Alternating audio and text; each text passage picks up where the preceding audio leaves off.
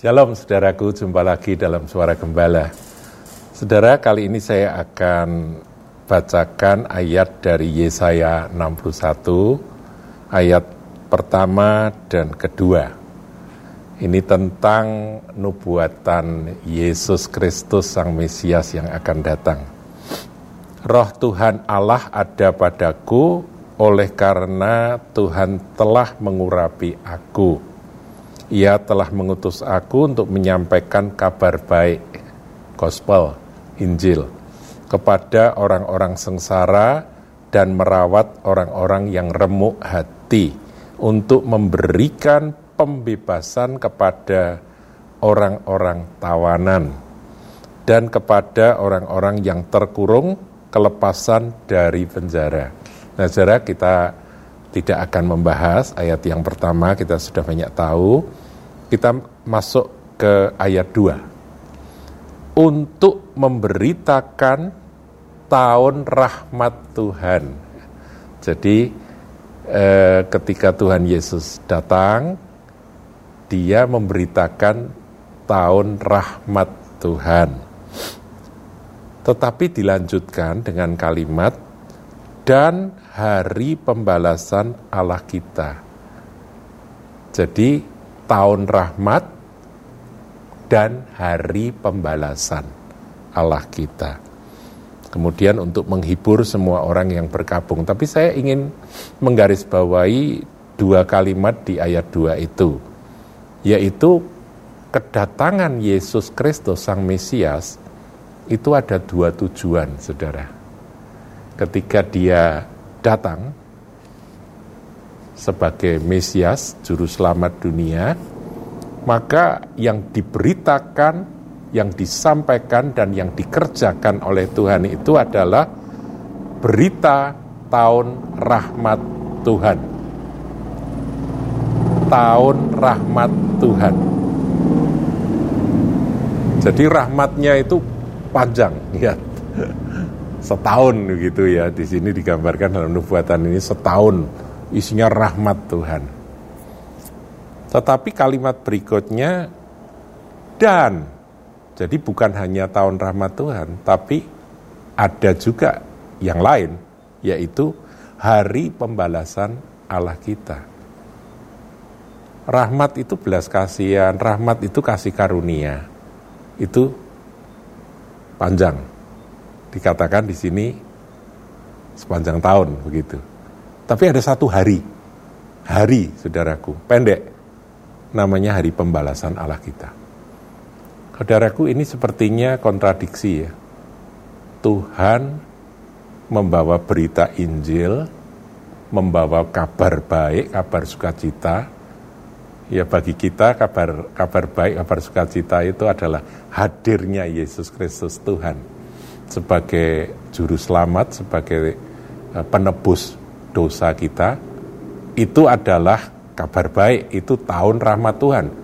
Dan sejak Tuhan Yesus datang ke bumi ini, dia lahir, itulah yang dibawa, itulah yang diberitakan. Dan sampai hari ini, tahun rahmat Tuhan itu masih terus berlaku, masih terus diberitakan.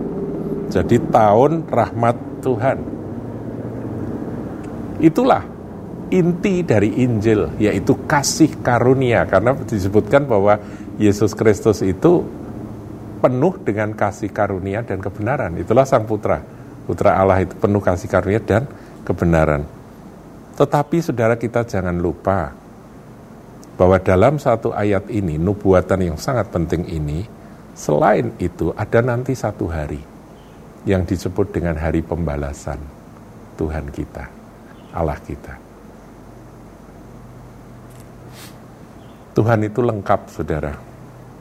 Dia panjang sabar, dia penuh kasih karunia, dia sangat baik, dan kebaikannya dinyatakan, kesabarannya dibuktikan sampai hari ini.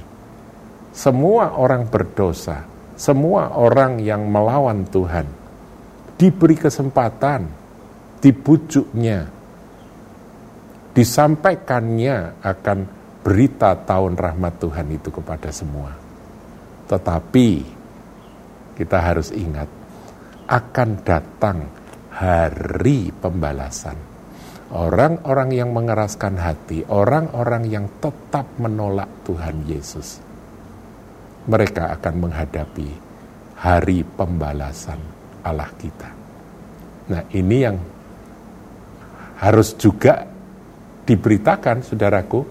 Kita tidak boleh eh, kehilangan keseimbangan bahwa ya Tuhan itu baik, dia seperti center class, apa yang menjadi keinginan manusia selalu diberi, diberi dan diberi. Ya, orang kamu mau berbuat apa saja, Tuhan Maha baik, Maha pengampun dan dia akan terus memberkati. Kamu mau menghujat dia ya diampuni. Ya, selama pengampunan atau selama tahun rahmat Tuhan itu masih berlaku, itu memang terbuka, saudaraku tentunya untuk orang-orang yang mau bertobat. Bagi Tuhan, tahun rahmat Tuhan itu dibuka sampai hari ini. Panjang, makanya disebut panjang sabar ya, penuh dengan kasih setia dan panjang sabar itulah Allah kita. Dan itu dinyatakan dalam berita Injil yang disampaikan oleh Tuhan Yesus. Oleh sebab itu kalau kita melihat saudaraku dalam Lukas 4 ya, coba kita tengok Tuhan Yesus menggenapi akan apa yang dinubuatkan di dalam Yesaya 61 tadi, ayat 1 dan 2 tadi, di dalam Lukas pasal yang keempat ketika dia membacakan akan ayat kitab suci dari gulungan eh, kitab Nabi Yesaya tersebut ya. Nah, saya bacakan saudaraku hmm, Yesus ditolak di Nazaret itu Lukas 4 ayatnya yang ke 16 mulai ya. Ia datang ke Nazaret tempat ia dibesarkan dan menurut kebiasaannya pada hari sabat ia masuk ke rumah ibadat. Lalu berdiri hendak membaca dari Alkitab. Kepadanya diberikan kitab Nabi Yesaya dan setelah dibukanya ia menemukan nas di mana ada tertulis, Roh Tuhan ada padaku oleh sebab ia telah mengurapi aku untuk menyampaikan kabar baik kepada orang-orang miskin, ya ini dia baca dari kitab Nabi Yesaya tadi, dan ia telah mengutus aku untuk memberitakan pembebasan kepada orang-orang tawanan dan penglihatan bagi orang-orang buta untuk membebaskan orang-orang yang tertindas untuk memberitakan tahun rahmat Tuhan telah datang. Berhenti jadi hari pembalasannya tidak dibaca oleh Tuhan Yesus. Karena apa? Karena memang dia hadir dan dia menggenapi akan bagian itu. Tapi saudaraku, kita tidak boleh lupa bahwa kalau mau lengkapnya kitab Yesa, Nabi Yesaya 61 ini ada kalimat hari pembalasan Allah kita. Kemudian ia menutup kitab itu memberikannya kembali pada pejabat lalu duduk. Dan mata semua orang dalam rumah ibadat itu tertuju kepadanya. Lalu ia mulai mengajar mereka katanya pada hari ini genaplah nas ini sewaktu kamu mendengarnya.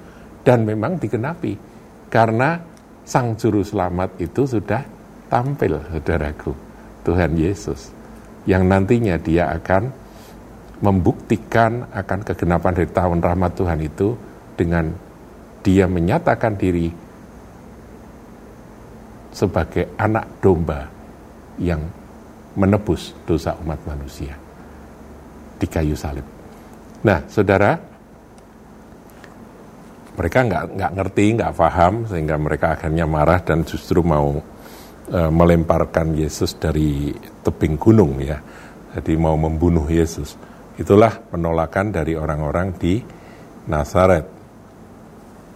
Saudara kita melihat sepertinya ada kontradiksi ya. Satu sisi tahun rahmat Tuhan diberitakan, tapi di sisi lain ada hari pembalasan Allah kita. Saudara, Tuhan Yesus itu anak domba, anak domba Allah yang tersembelih. Ketika Yohanes Pembaptis melihat Yesus berjalan, dia berkata, lihatlah anak domba Allah yang menghapus dosa dunia. Menghapus itu memikul, menanggung, mengangkut dosa dunia. Itu Tuhan Yesus dan dia mengenapi sebab itu adalah kegenapan dari tahun rahmat Tuhan. Tapi bagaimana dengan kegenapan dari hari pembalasan Allah kita? Nah, kita lihat Saudara. Ada ayat ya di dalam Wahyu 6. Ini menarik untuk direnungkan Saudaraku. Wahyu 6, wah itu isinya kan malapetaka ketika meterai-meterai itu dibuka ya ayat 16. Dan mereka berkata kepada gunung dan kepada batu-batu karang itu, runtuhlah menimpa kami dan sembunyikanlah kami terhadap dia. Ada satu kengerian dan ketakutan luar biasa terhadap dia. Dia huruf besar di sini. Tuhan yang duduk di atas tahta dan terhadap murka anak domba. Ya, anak domba itu kan gambaran dari binatang yang kecil, lemah, innocent, defenseless, tidak berdaya. Tetapi kata anak domba dipakai di sini. Di dalam kitab Wahyu 6 ayat yang ke-16 ini. Anak domba yang murka, yang marah. Nah inilah kegenapan dari hari pembalasan Allah kita tadi.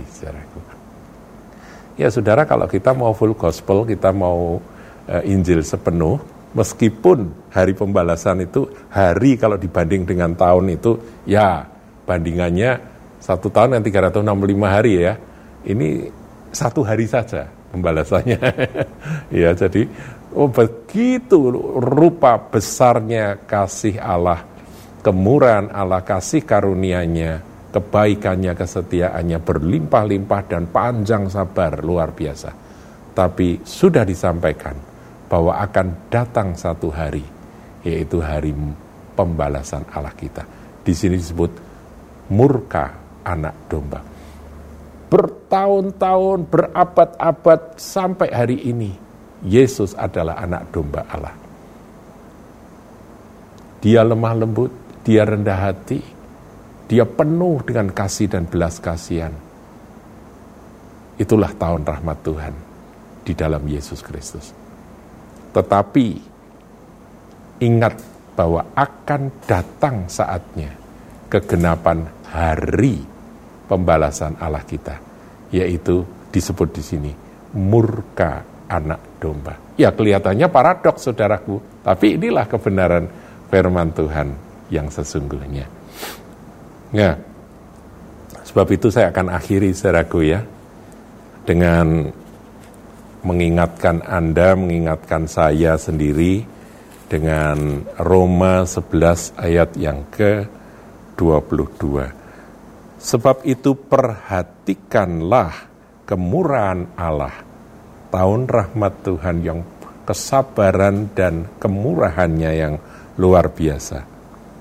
Tetapi Paulus juga lengkapi dengan kalimat berikut. Dan juga kekerasannya, yaitu kekerasan atas orang-orang yang telah jatuh. Tetapi atas kamu kemurahannya, yaitu jika kamu tetap dalam kemurahannya. Jika tidak, kamu pun akan dipotong juga. Haleluya. Mari kita berdoa, saudaraku. Bapa di sorga, kami tahu Engkau penuh kasih kemurahan, Engkau penuh dengan kebaikan, Engkau penuh dengan kasih karunia, dan itu kami temukan di dalam Yesus Kristus. Kami yang berdosa, Tuhan Yesus yang menanggung. Itulah tahun rahmat Tuhan. Tetapi kami juga mendengar kebenaran bahwa ada satu hari pembalasan Allah yang kami harus gemetar, kami harus takut dan gentar, sehingga kami mau sujud di bawah kakimu dan memeluk erat akan kaki Tuhan Yesus dan berkata, Engkaulah Tuhanku, aku mau setia dan berpegang kepada ketetapan dan perintah-perintahmu, karena aku mengasihimu. Inilah doa kami Tuhan, dalam nama Yesus. Amin.